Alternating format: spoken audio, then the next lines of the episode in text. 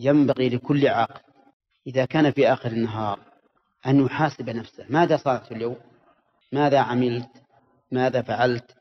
كما أن التاجر يحاسب نفسه وكتابه عند آخر كل يوم والحساب الآخر عند آخر كل شهر وكل عام.